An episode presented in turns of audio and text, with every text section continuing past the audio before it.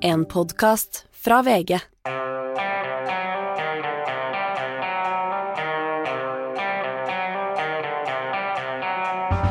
Ikke visste jeg at alle disse dagene som kom og gikk, de var selve uke tre.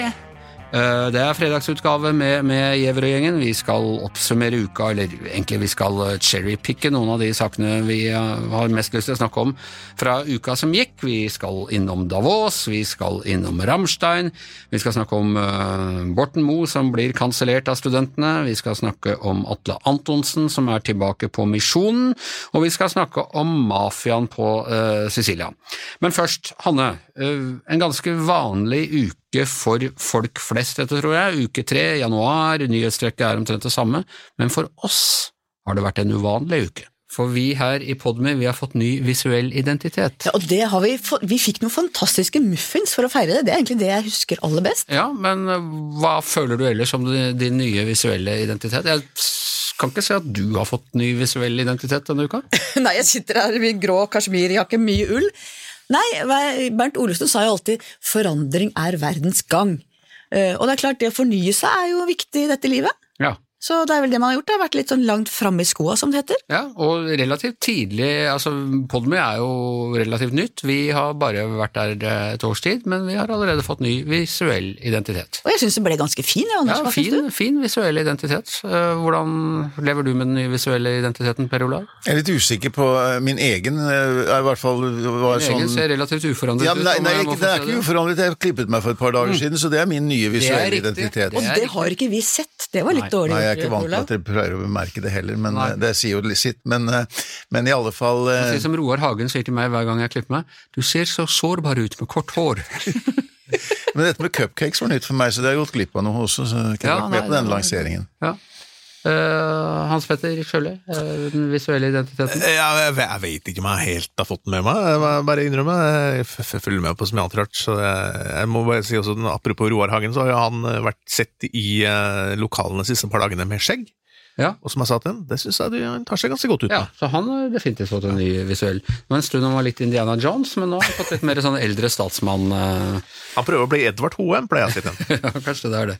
Kanskje det er det. Nå vel, nok om det. Um, relativt mange ting å, å snakke om denne uka. En ting vi ikke har snakket om, uh, verken med ny eller gammel visuell identitet, det er eh, det er Davos.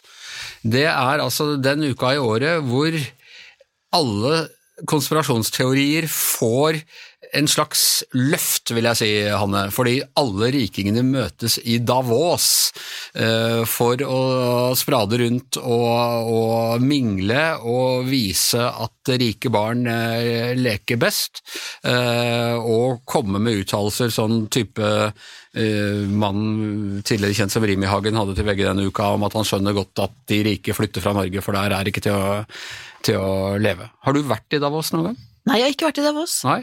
Du, du, nei det, er, er Bilderberger du har vært på. Ja, der har jeg vært. Davos blir for åpent for deg, det Ja, det var, det ordentlig det lukkede, superhemmelige Det er virkelig konspiratoriske Guds gave til konspirasjonsteori. Ja, det er det. Jeg har også fått mange rare mailer etter det. Ja.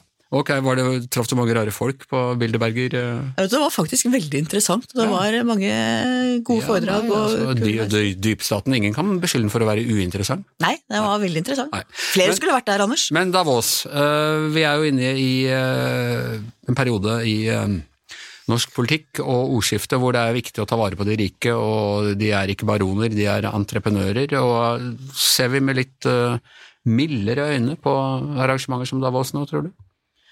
Eh, Jeg tror det har blitt litt mindre konspiratorisk etter hvert som det har blitt større. Nå er jo selv Senterpartiets nestleder eh, Anne Beate Tvinnerheim der, så nå må det virkelig ha blitt veldig bredt og folkelig. Nettopp, og hun har jo tidligere, altså det er, en må lese en kommentar som, som vår kollega Kjetil Ragli Alstheim har skrevet i Aftenposten denne, eh, denne uka, hvor han går litt gjennom den retorikken til Senterpartiet. Tvinnerheim, som har tidligere beskyldt beskyldt da eh, Støre for å være globalist fordi han eh, drar til Davos, eh, og, og eh, Vedum eh, og i det hele tatt. Nå er de av pipa fått en annen låt. Ja, og Vedum har vært på NHOs årskonferansemiddag, og nei, det er, de, det er vel litt deilig når du først kommer innafor og mingler litt med eliten allikevel, da. Ja, ennå det skulle, jeg vet jeg rir en gammel kjepphest her, det skulle bli forbudt når eh, Vedum kom til makten. Ja, men det ble det jaggu ikke. Nei, langt ifra. langt ifra. Per Olav, du har faktisk vært i Davos du, før det ble så jævla populært. Ja, jeg sluttet når det ble populært. Ja, ikke sant? Det er sånn som jeg slutta å like Bowie da han kom i Let's Dance. Ja. Nei, det, det, det er faktisk helt tilbake i 1994, og det var liksom en konkret grunn til at jeg var der, fordi em, da var Yasir Arafat der og Shimon Peres. Dette var jo, eh, dette var jo eh, like etter at Oslo-avtalen ble til, og noe av forhandlingene i etterkant foregikk faktisk i Davos òg, blant annet liksom det økonomiske delen av, av Oslo-avtalen, hvordan man skulle eh, hjelpe det palestinske myndigheter osv. til å komme på bena. Eh, og, så, og det norske teamet eh, med forhandlere som hadde deltatt i Oslo-prosessen tidlig på 90-tallet, var også der. Og jeg hadde jobbet mye med det selv, og vært mye i eh, i eh, området, i Israel og i, i de palestinske områdene, så jeg, det var liksom veldig naturlig for meg å være der den gangen. da. Ja. Men du må ha blitt litt rikesmitta også av uh, alle rikingene som var der? Jeg, synes, jeg hadde liksom tenkt på Davos først og fremst som et vintersportssted, og det, var, det er jo et utrolig vakkert sted, veldig flott, eh, og jeg husker jeg kjørte bil opp dit fra eh, fra München og, og, og hadde leid bil og kjørte opp, og syntes det var utrolig flott å komme opp i det vinterlandskapet. Kjent for eh, både skø- skøytesport, langrenn og mye annet. Det ble sagt på morgenmøtet vårt i dag av, av eh, avdelingens historiker eh, Yngve Kvistad at det er ikke noe annet land som har tatt så mye gull i Davos som Norge, fra Oskar Mathisen og fremover. Ja, det var en tid hvor man måtte reise virkelig opp i høyden for å gå fort på skøyter, ikke sant. Vi husker Almata, og vi husker Davos og de stedene der. Ja, ja. Det foregår et annet møte som er mye, må jeg få si, mye viktigere i dag. Eh, Rammstein, og da snakker jeg ikke om det tyske industrimetallbandet, men om flybasen i, i Tyskland, hvor eh, en rekke land møtes for å diskutere noe som vi har diskutert mye i eh, Norge denne uka også, våpenhjelp til Ukraina. Det er jo, jeg tror det er nå eh, 50 land ja, som er til stede i, i Rams, på dette Ramstein-møtet. Det sier jo noe om bredden i eh, støtten til Ukraina. Eh, Det er jo alle Nato-landene som er der, med sine forsvarsministre. Eh, Og eh, eh, alle har, eller ikke alle, men mange har meldt inn eh, ytterligere mm, militære bidrag da, til forsvarsmateriell til eh, Ukraina før dette møtet. Og så er det eh, en del eh, uavklarte ting, og det store spørsmålet er om eh, Ukraina skal få eh, moderne mm, stridsvogner. Tyskland har eh, valgt å har foreløpig ikke eh, gitt klarsignal for det. Det er jo et stort antall land eh, som har også de samme type tanks, altså, men, men, men Tyskland må gi godkjenning hvis slike, slikt materiell skal videresendes til annet land. Da. Ja, Det er det de har holdt og, og, og Det har jo vært voldsomt sterk diskusjon, mye kjeft på partiet Rødt denne uka i Norge, fordi man har vært vankelmodig i dette på, med, med våpenhjelp til, eh, til uh, Ukraina. Men eh, det er mange land eh, i Europa og resten av verden hvor dette er, med våpenhjelp er mye mer kontroversielt enn det er i Norge. At du ikke liksom bare må på ytterste venstre fløy før du finner motstand og skepsis. Ja, vi så jo denne uken her eh, at den eh, spanske statsminister Sanchez bl.a. blant annet tok til orde for at man måtte få i gang forhandlinger med, med Putin. Eh, Og eh, eh, han er jo en regjering hvor han også har støtte fra et parti lenger til venstre for, eh, for sosialdemokratene. Eh, Og eh, det er diskusjoner i mange land, og vi ser at selv om Olaf Scholz, den tyske forbundskansleren, får kritikk internasjonalt fra flere land for at Tyskland ikke tillater, foreløpig da, eh, overføring av disse Leopard tanks, så, så, så har han faktisk et flertall i folket som, eller i hvert fall er flere som mener at han er på riktig kurs der, enn de som protest, protesterer på det, ifølge meningsmålinger. Eh, Så, og Tyskland har Historiske grunner til å være litt forsiktig ja da, og Tyskland har bidratt mye militært eh, i- eh, nå til Ukraina, men de har hele tiden litt, ligget litt i etterkant. De har ikke gått i, i, i- front. Eh, I begynnelsen av konflikten så ble Scholz beskyldt for å være nesten usynlig. Eh, han tilbød 5000 hjelmer til Ukraina, det var før krigen brøt ut, men det var som et Og, og, og, og, og Og de det har- er sånn rødt i Norge. Nettopp. Så, men siden så har Tyskland det, og det skal sies, de har, de har jo vært en veldig viktig økonomisk bidragsyter til eh, Ukraina, og de har også gitt eh, ganske avansert og, og omfattende militær bistand, men de, er, de står aldri først, og de kommer gjerne etter, eh, og det vil vel kanskje også skje når det gjelder disse stridsvognene. Men Hanne, hva kommer det av at da partiet Rødt i Norge får så mye tyn også fra sine, eller den fløyen, må vi si, eh, kanskje til og med mindretallsfløyen i det ytterste venstrepartiet i Norge, eh, hvor man er skeptisk til, til våpenhjelp, når dette er liksom omtrent det samme som Tyskland som sådan står for? Jeg vil ikke si det er omtrent det samme som Tyskland. Som Per Roar sier, Tyskland har sendt veldig mye våpen. Og det at det er krefter også i Tyskland og, og andre land hvor det er mer omforent som ikke vil sende våpen, gjør jo ikke at det er mer riktig. Men så må vi også huske at dette handler også om geografi og historie. Norge vi er jo naboland til Russland. Det er klart at For oss er dette veldig viktig. Det angår oss. Tyskland må også kunne regnes som naboland. eh. Jo, men det, de er en annen stormakt. Og Polen sier jo nå at de, eh, selv om de eh, har disse Leopard-stridsvognene på lisens fra Tyskland, så antyder de at de kanskje vil sende disse stridsvognene til, til Ukraina selv om Tyskland sier nei, for de mener at det er det riktig å gjøre, selv om det ikke formelt er riktig. Og for Polen handler det også veldig mye om historie og geografi. Men nå snakker jeg mer om at, at det er en opposisjon, og da rett og slett flertall i Tyskland som støtter en mer forsiktig linje, og at du dermed også har eh, eh, ja, en legitim eh, debatt om, eh, om våpenhjelp er det eneste saliggjørende i, i denne situasjonen. Er vi litt for snevre der i norsk offentlighet? Nei, det syns jeg ikke. Eh, altså Poenget er at Det er helt legitimt å diskutere om det er riktig å sende våpen eller ikke, men det Rødt-folk har gjort, er at de så veldig sterkt i uttrykk for at de støtter Ukrainas kamp for frihet, samtidig som de ikke sender våpen. og Det er, det er på en måte et syn på at Ukraina skal forhandle allerede nå, og da vet alle at da mister de landet sitt. Så det er en annen debatt. Nei, jeg mener ikke at vi har det for snevert. Jeg mener det er legitimt å være skeptisk til våpenhjelp, men da må du også ta den naturlige slutningen, nemlig at da støtter du egentlig ikke Ukraina. Eh, Hans Petter, du har jo brukt store deler av uka på, på Rødt og stridighetene der. Hva tenker du om dette? Sånn Nei, jeg er helt enig med han. Jeg synes ikke det er som eh, Vi snakker om Tyskland og har egentlig noe, noe som helst med Rødt-debatten å gjøre, fordi det den Rødt-debatten handler om det er to ting. Altså, det ene som Hanne sier, det er den der, eh, dobbeltspillet der. At skal liksom, de skal liksom være sånn Ukraina-venner samtidig som de ikke vil ta ansvar eh, for det. Det, sånn- altså det Ukraina etterspør. Uh, og så er det at det som også ligger under en del av, av motstanden i deler av det partiet, da, er jo også en en um, veldig sterk sånn USA-skepsis, veldig sterk Nato-skepsis, og en veldig sånn, eh, litt sånn vankelmodig holdning til uh, hvem det er som egentlig har skylda for den krigen. Det, og Den type debatt er jo ikke det som dominerer i Tyskland. Nei, det handler jo mer om hvilke våpentyper man da skal sende, og det har jo vært slik hele veien at eh, Nato, og heller ikke USA, har gitt nødvendigvis Ukraina alle de våpen de til enhver tid har ønsket seg, og som står på ønskelisten. Man har, man har beveget seg mye mer i den retning av å gi Ukraina flere våpen, og type våpen som man ikke ga dem i begynnelsen, så det har vært en utvikling der. Men det har også vært sånn at man har ikke vært villig til å gi nødvendigvis alt som Ukraina til enhver tid har bedt om. Og Dette har jo vært for å balansere, for å hindre at denne krigen skal spre seg, og for at man skal komme i mer direkte konflikt med, med Russland. Og det, når, når det gjelder akkurat dette med, med, med slike stridsvogner, så er jo det et, et, et, et mektig våpen på en slagmark, men det er jo ikke noe nødvendigvis no, Det er ikke noe angrepsvåpen, det må også kunne oppfattes som et forsvarsvåpen, altså sånn at Ukraina kan brukes for å kunne forsvare seg selv mot en kanskje forventet russisk offensiv til våren. Ja.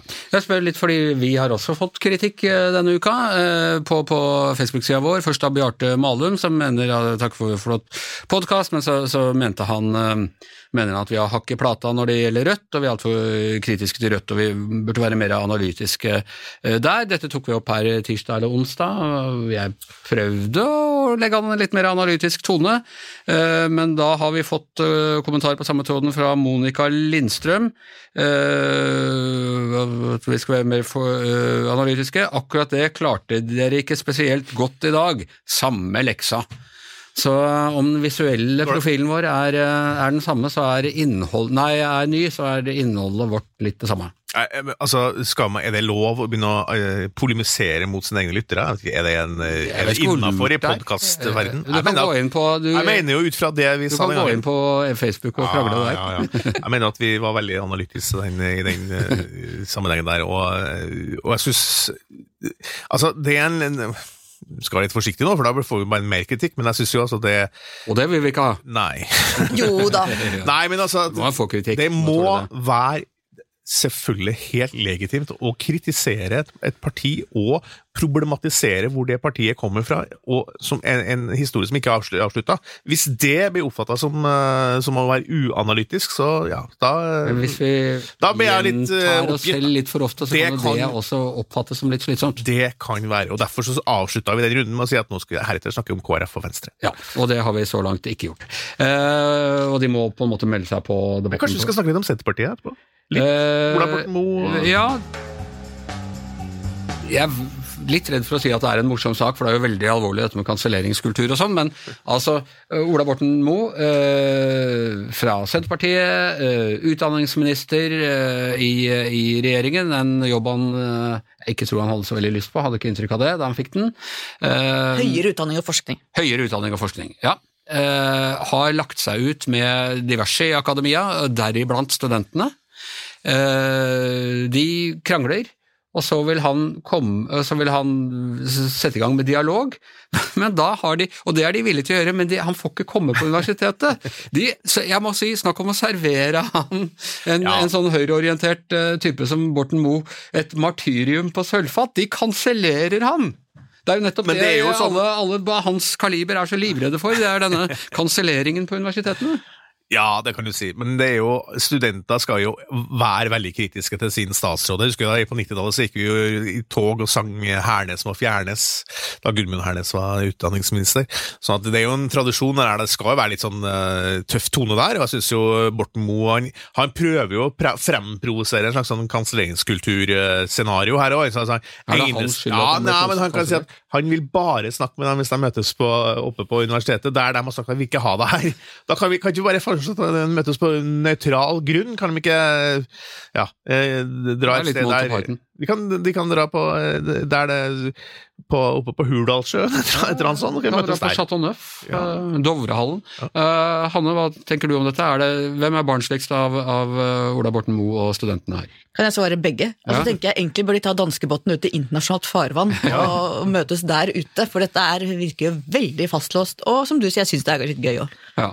Eh, per Olav, eh, hvem var utdanningsminister da du studerte? Men det, er- meg var det Kjølv Egeland, jeg kan ikke huske at vi var noe sinna på han i det hele tatt. Nei, men jeg husker vi gikk faktisk i demonstrasjonstog for å få lov til å gå på skole på lørdager. Ja. Det var, eh, vi, vi, vi tok eh, trikker og busser inn til byen og gikk og demonstrerte ute i gatene her. Ja, for det var et overgrep fra regjeringa i oss lørdagsfri. ja, det var, det var man, man undergravde Du har alltid tilhørt en moderat fløy, du, Olav. Og jeg, og jeg stilte lojalt opp i demonstrasjonene, selv om jeg ikke var veldig overbevist om den Jeg var ikke så gammel da, jeg tror jeg gikk i femte klasse da lørdagsfriden kom, men jeg husker at det var liksom man skulle være mot det. Det var, Det var- på det det radikale 70-tallet. Men her har vi ulike generasjoner. da. Kjell Egeland, eh, Gudmund Hernes eh, og Lørdagsfri. Og for for meg var det Halvard Bakke. Halvard Bakke, vi er blakke, ikke kjør oss helt på skakke, ropte vi. Ja. Uh, Halvard Bakke kansellerte han dere da når dere ropte disse fæle tinga, eller var det jeg tror til og med- til og med vi fikk møte han på hans kontor. Jeg må jo si, jeg synes jo det er statsråden som må ta, hver voksne part her og, og invitere, og ikke, ikke lage en sånn, sånn litt sånn eh, morsom, men også en ganske dum situasjon for de som står og hakker. De skrev et innlegg her i VG nylig der, så at, å, snakke med Ola Borten Moe som å snakke med veggen. sånn at eh, det er, jo, det er jo null dialog der. Det er jo bom fast. Så her må den voksne part, statsråden, ta ansvaret. Ja. Men kommer han til å gjøre det? Nei. De kan, ta med, de kan dra på hyttetur. Det, og en, Uten mobiltelefon, da. Ja. Ja. ja. Uh, definitivt uten eh, mobiltelefon, for som vi jo er enige om, vi må jo hver gang det er snakk om dette, må jeg minne om at Ola Borten Moe var på den uh, famøse hytteturen hvor man sendte en uh, Stygg en jævla stygg tekstmelding til uh, partikollega mm, Navarsete. Navarsete, ja. Og ingen har innrømmet hvem det var, og ingen har skjønt noe som helst av det. Ikke bare har vi fått en ny eh, visuell identitet å slite med, eh, konkurransen eh, i, her i snakkeklassen har hardnet til, for i dag var en gammel kjenning tilbake i misjonen. Det visste jeg jo med en gang denne saken kom ut. Så tenkte jeg, nå kommer jeg til å få støtte fra feil folk.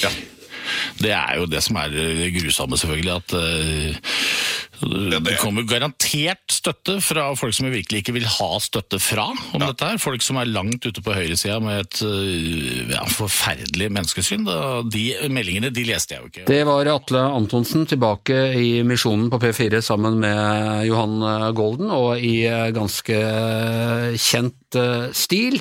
Han ville ikke snakke noe særlig om det som skjedde på Barbuca i fjor høst, Hans Petter, rett og slett for som han sier at hver gang man snakker om det, så blir det bare verre for Sumaya Jirde Ali.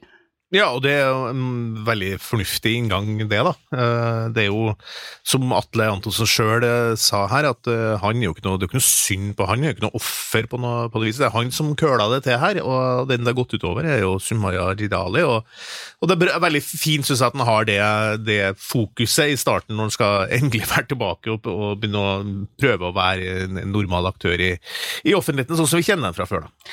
Og så er det en del som har problematisert uh, at uh, ja, han kan komme tilbake nå etter noen uker eller måneder, uh, gjøre en mea culpa-runde og så være tilbake i offentligheten.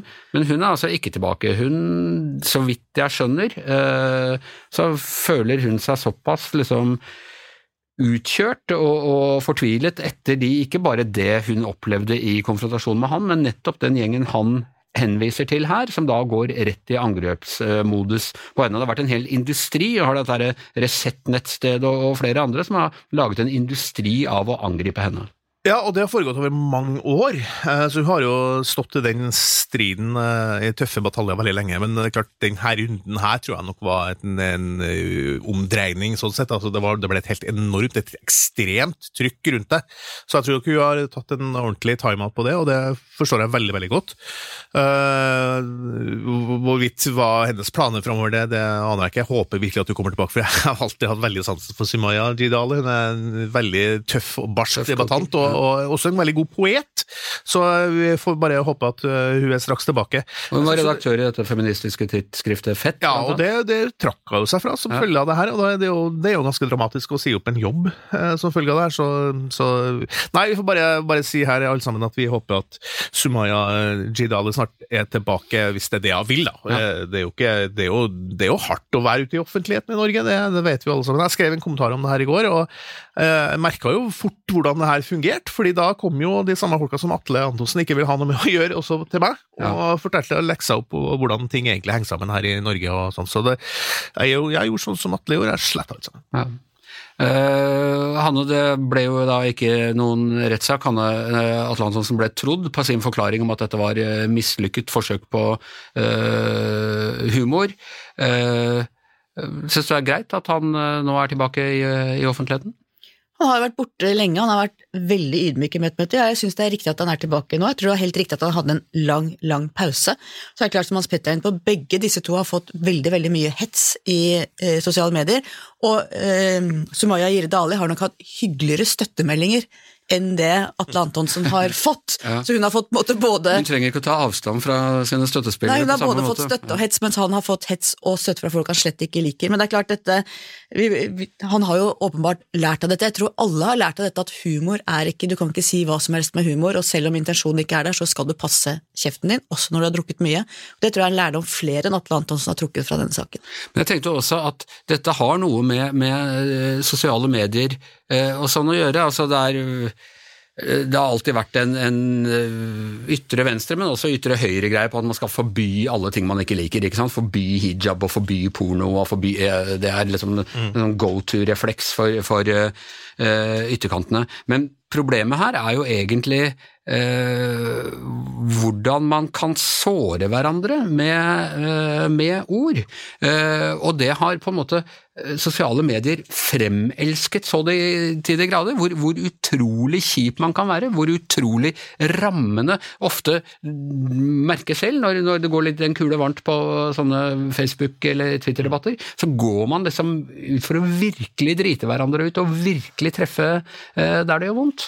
Ja, det er en forferdelig utvikling, det der. Ja. Men jeg har helt sånn uh, svogerforskning, helt sånn, in, sånn som jeg tror Jeg, jeg har på et eller annet nivå på følelsen at det er litt på vei ned der. Altså, det er litt hyggeligere igjen, syns jeg, i, i tonen eh, der ute. Og jeg syns jo Atle Antonsen eh, altså, han har jo ikke noen annen mulighet enn å, enn å legge seg paddeflat og gjøre sånn som han har gjort, da, men jeg syns likevel at det var en ganske, ganske sånn fin innledning han hadde på det programmet. Han snakka om at han har, har eh, tatt brukt tida til å ta etterutdanning. Gått fra å være idiot til å være kronidiot, som han sa. Men, men det handler mer om det å, å, å forstå hva det er som, foregikk, og hvorfor det ble så stor eh, oppstand rundt det. Og, og jeg synes jo sånn diskusjon om uh, rasisme og, ja, og den slags, da, så har vi lært som samfunn veldig mye de siste to-tre årene. Jeg synes uh, det kommer fram veldig mye interessante uh, samtaler og, og ting er skrevet om det her som, som folk begynner å gå opp for dem at ja, vi, vi, vi må bare endre oss, liksom. Det, det er ikke noe annet å gjøre med det. Og, og de gamle Sånn som jeg er jo fra 90-tallet, og sånn som Atle Antonsen er også, og, driver og kødder med alt mulig rart og sånne ting. Det, det, er, det er ikke så gøy lenger, rett og slett. Eh, Vi, vi må bare forstå at vi lever i et, vi er en, det er en ny tid nå, og ta det inn. Hvorfor, jeg, skjønner, jeg skjønner bare ikke poenget. Hvorfor skal folk skal gnure på at nei, vi skal ha det som vi hadde det før? For det, sånn har det aldri vært. Det, er- verden er jo utvikling. Vi må bruke akkurat de ordene de brukte på 30- og 40-tallet, ellers så er det kansellering og, og woke.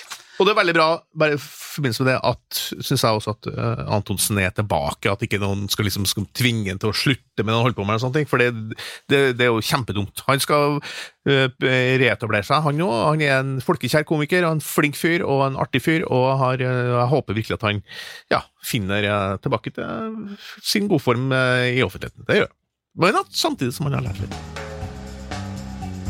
Denne uken arresterte italiensk politi eh, sjefen over alle sjefer, capo di tutti capi, som vi sier i Brooklyn, Matteo Messina Denaro, alias Diabolik. Eh, den største, En av de aller største mafiabossene på Sicilia, Yngve, og en mann som har vært på rømmen i utrolige 30 år. Ja, bare for å arrestere deg der litt, Anders. Han har nok ikke vært capo di tutti capi, eller det som vi kaller da eh, gudfaren i vår populære eh, kulturelle tilnærming. Eh, Han har vært capo, som betyr sjef. Han har definitivt vært Capo, dette vet du, fra gudfaren. gudfaren. Det er, ganske, det er mellomledere. Nei, ikke helt. Altså, hvis du er capo altså Capo di tutti capi betyr jo sjefen over alle sjefer. Ja. Og, og, i, og grunnen til at det kalles det, er jo for at i, i mafiasammenheng så har de dette som kalles kommisjon.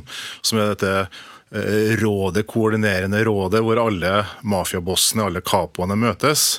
Og så velger de da en som skal være øverste sjef. Og i, Tradisjonelt sett så har jo det vært en, enten den sterkeste i Palermo eller den sterkeste i, fra Corleone-regionen. da. Og han her Nei, han Matteo? her, han her eh, Matteo Messina Denaro, han har vært eh, en sterk capo, en sterk mafiaboss i Trapani-territoriet. Eh, og har definitivt vært en av de store gutta. Men som eh, også sjefanklageren i eh, Palermo sa nå under pressekonferansen nylig, han har med stor sannsynlighet ikke vært Capo di capi, altså gudfar, fordi at de sterke familiene i systemet, som er fortsatt palermitanerne, de ville ikke akseptere å la seg regjere av en mann fra Trapani. Dette, dette avgjøres av kjøttvekta og av tradisjon i, i det mafiose systemet. Det er litt sånn Nord-Trøndelag, Sør-Trøndelag. Ja, Giske har da altså Nidaros, for det er det største laget. Ikke sant. Og, men han har altså vært på rømmen i, i eh, 30 år. Hvor har han vært den, vet man det? Eh, Ja, for så vidt. Altså, han har eh, stort sett vært i sitt eget nærområde, sitt eget territorium, sitt eh, kongerike, som det kalles. Eh, Han har vært litt på eh, rømmen i eh, Albania og Spania. Men kongeriket ligger da i denne regionen? Ja, altså vest for Palermo. Det, er- det er da en, På Sicilia. på Sicilia. Det er ikke store øya, det er jo, det er jo altså, mulig å finne han. Liksom. altså Øya er like stor som gamle Nord-Trøndelag fylke, apropos, og har like mye folk som uh, Norge. sånn at det er jo ikke, det er ikke umulig å, å skulle finne den. Men det har vært litt sånn at, at uh, han har jo gjemt seg i en by som heter Campobello di Mazzara, som er, altså, som er Eh, Campobello er da nabobyen til Castelvetrano, der han er født, og, og som også faren da bygde opp sitt eh, imperium fra. Eh, dette, er en, dette er en liten by. 10 000 innbyggere. Eh, interessant nok så er både ordføreren der og ordføreren i Castelvetrano eh, blitt avsatt og dømt for mafiavirksomhet. Men han har bodd der. Han har bodd i en leilighet på gateplan. Han har riktignok hatt en bunker, den fant de faktisk først i går. Men han har eh, levd åpent der. Han har, Har han levd i sus og dus? Har han vært luksuriøs? ja, sånn... altså, sånn, I motsetning til veldig mange andre sånne mafioser som har liksom levd livet sitt bak et kleskott hos uh, svigermor. En Eh, potetkjeller ja, også, ikke sant? Så, så, så har han levd uh, i relativt sus og dus. Ja, de fant jo masse sånne luksusklær i, i eh, garderobeskapet hans. og så Da han ble, da han ble pågrepet på denne kreftklinikken, så gikk han også i designerklær.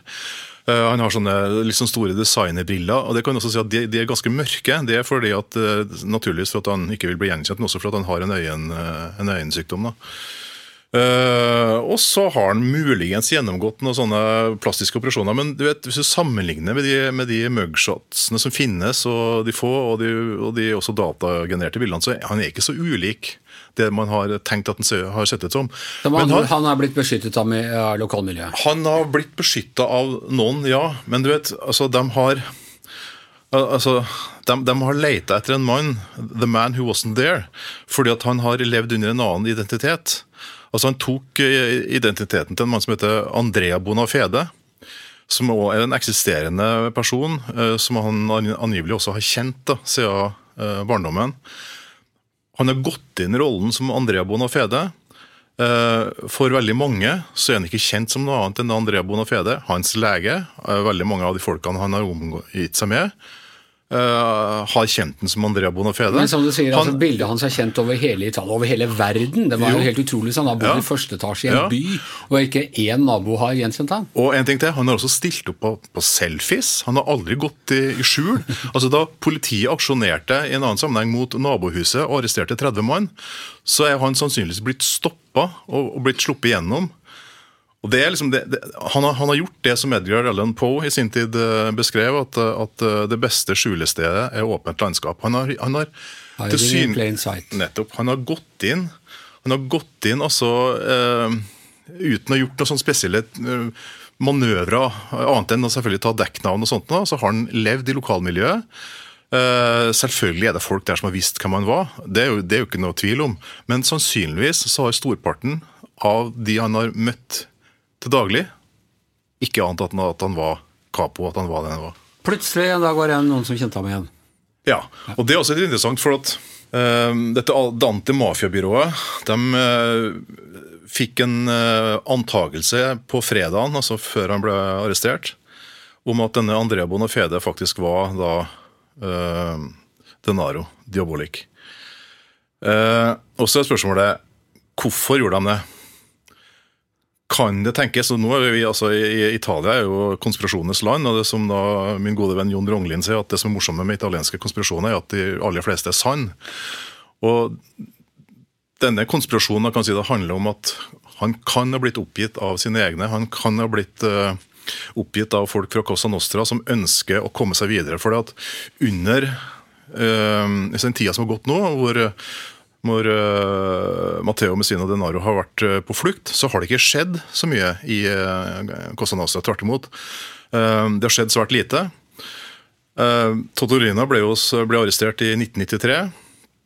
Satt i høysikkerhetsfengsel i Parma. Klarte til en viss grad å kommunisere med Cosa Nostra på, på Sicilia. Holdt det gående.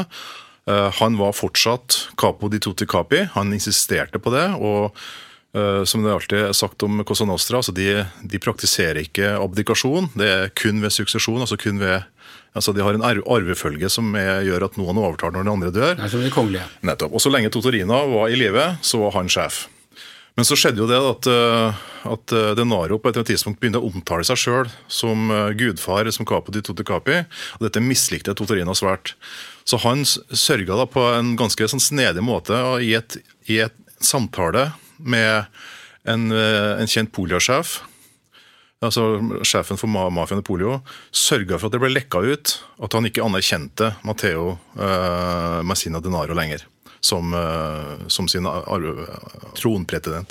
Så at det er mulig at han rett og slett var, var disposable, altså at, kunne, at han kunne ofres noe fordi at de er nødt til å komme videre Eh, Sånn som mafiaen på Sicilia, altså Cosa Nostra, ligger med såpass brukket rygg at, at de er nødt til å gjøre noe for å komme seg videre. og da er det... Ja, For det er 30 år siden de Ja. virkelig utgjorde en eh, nesten militær trussel Ja, mot det- eh, styresmaktene. Det var jo det, og de var jo livsfarlige. Altså, de hadde jo kontroll overalt. De hadde, altså Mafiaen er jo altså Kjennskapet med eller Det som er karakteristisk med mafiaen, er jo at den er territoriell. ikke sant? Den tar kon fullstendig kontroll over det territoriet de er på.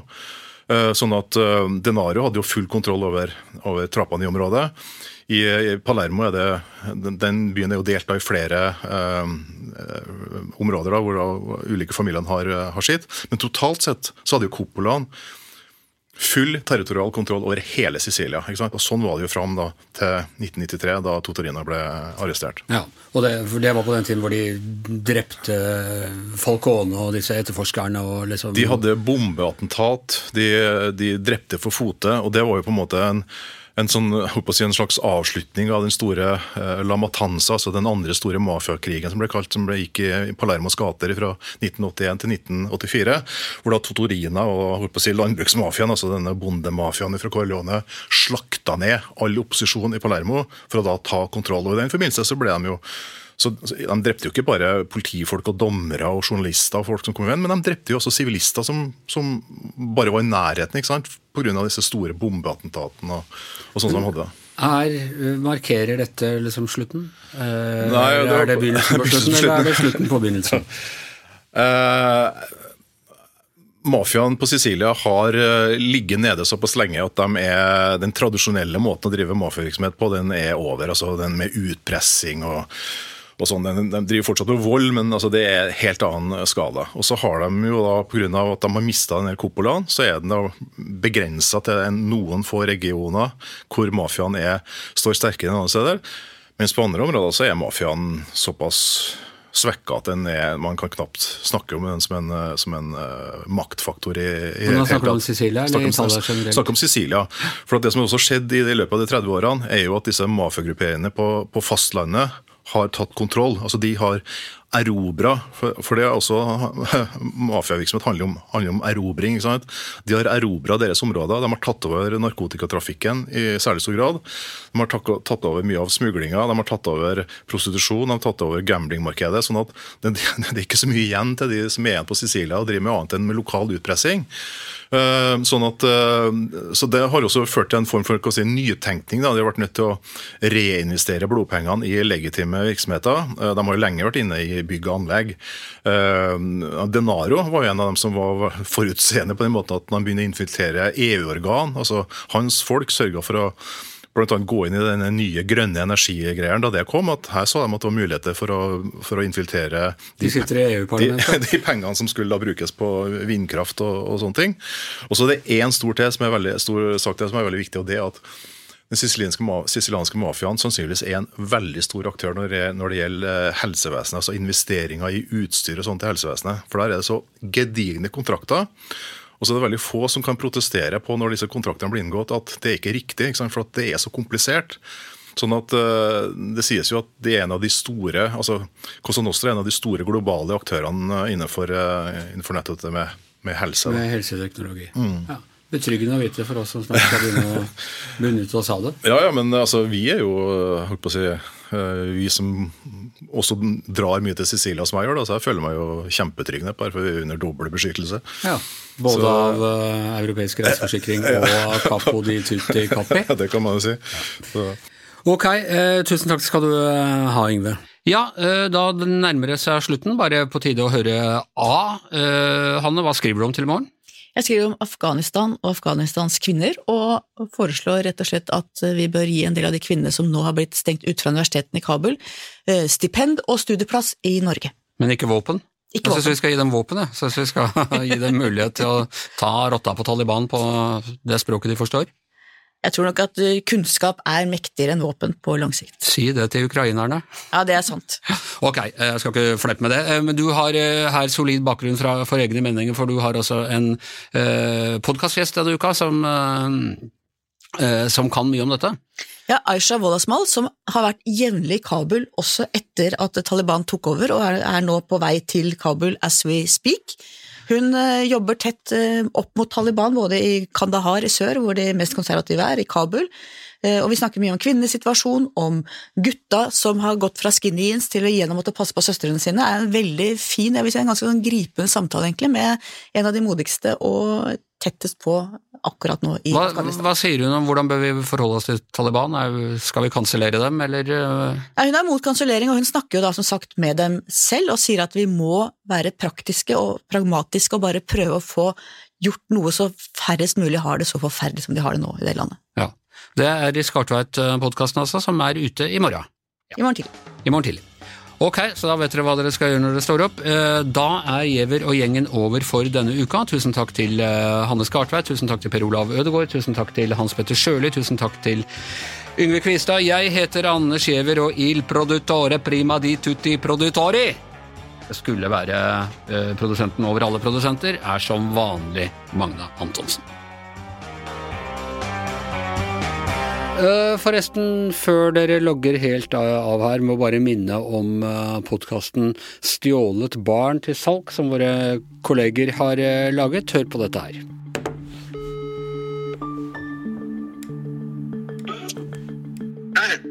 Hei. Du, eh, nå skal du høre. Nå har det skjedd noe, eh, noe litt rart her. Det er så mange løgner. Det er så mange som holder tilbake sannheten. Er det noen grunner til å mistenke at norske adopterte kan ha kommet hit på ulovlig vis? Eh, Nei, vi har ingen holdepunkter eh, for eh, det i Norge. I was in jail. Almost for two years I was in jail. Men jeg vet, når jeg kom til Norge og sånn, så hadde jeg mareritt hver eneste natt. Altså, vet, vet hun noe mer enn det hun forteller? Dette nå føler jeg meg i en sånn thriller eller en eller annen som uh, Dette her er jo rett og slett som tatt ut av en film. Alle episodene er tilgjengelige på Podme nå. Du har hørt en podkast fra VG. Ansvarlig redaktør, Gard Steiro.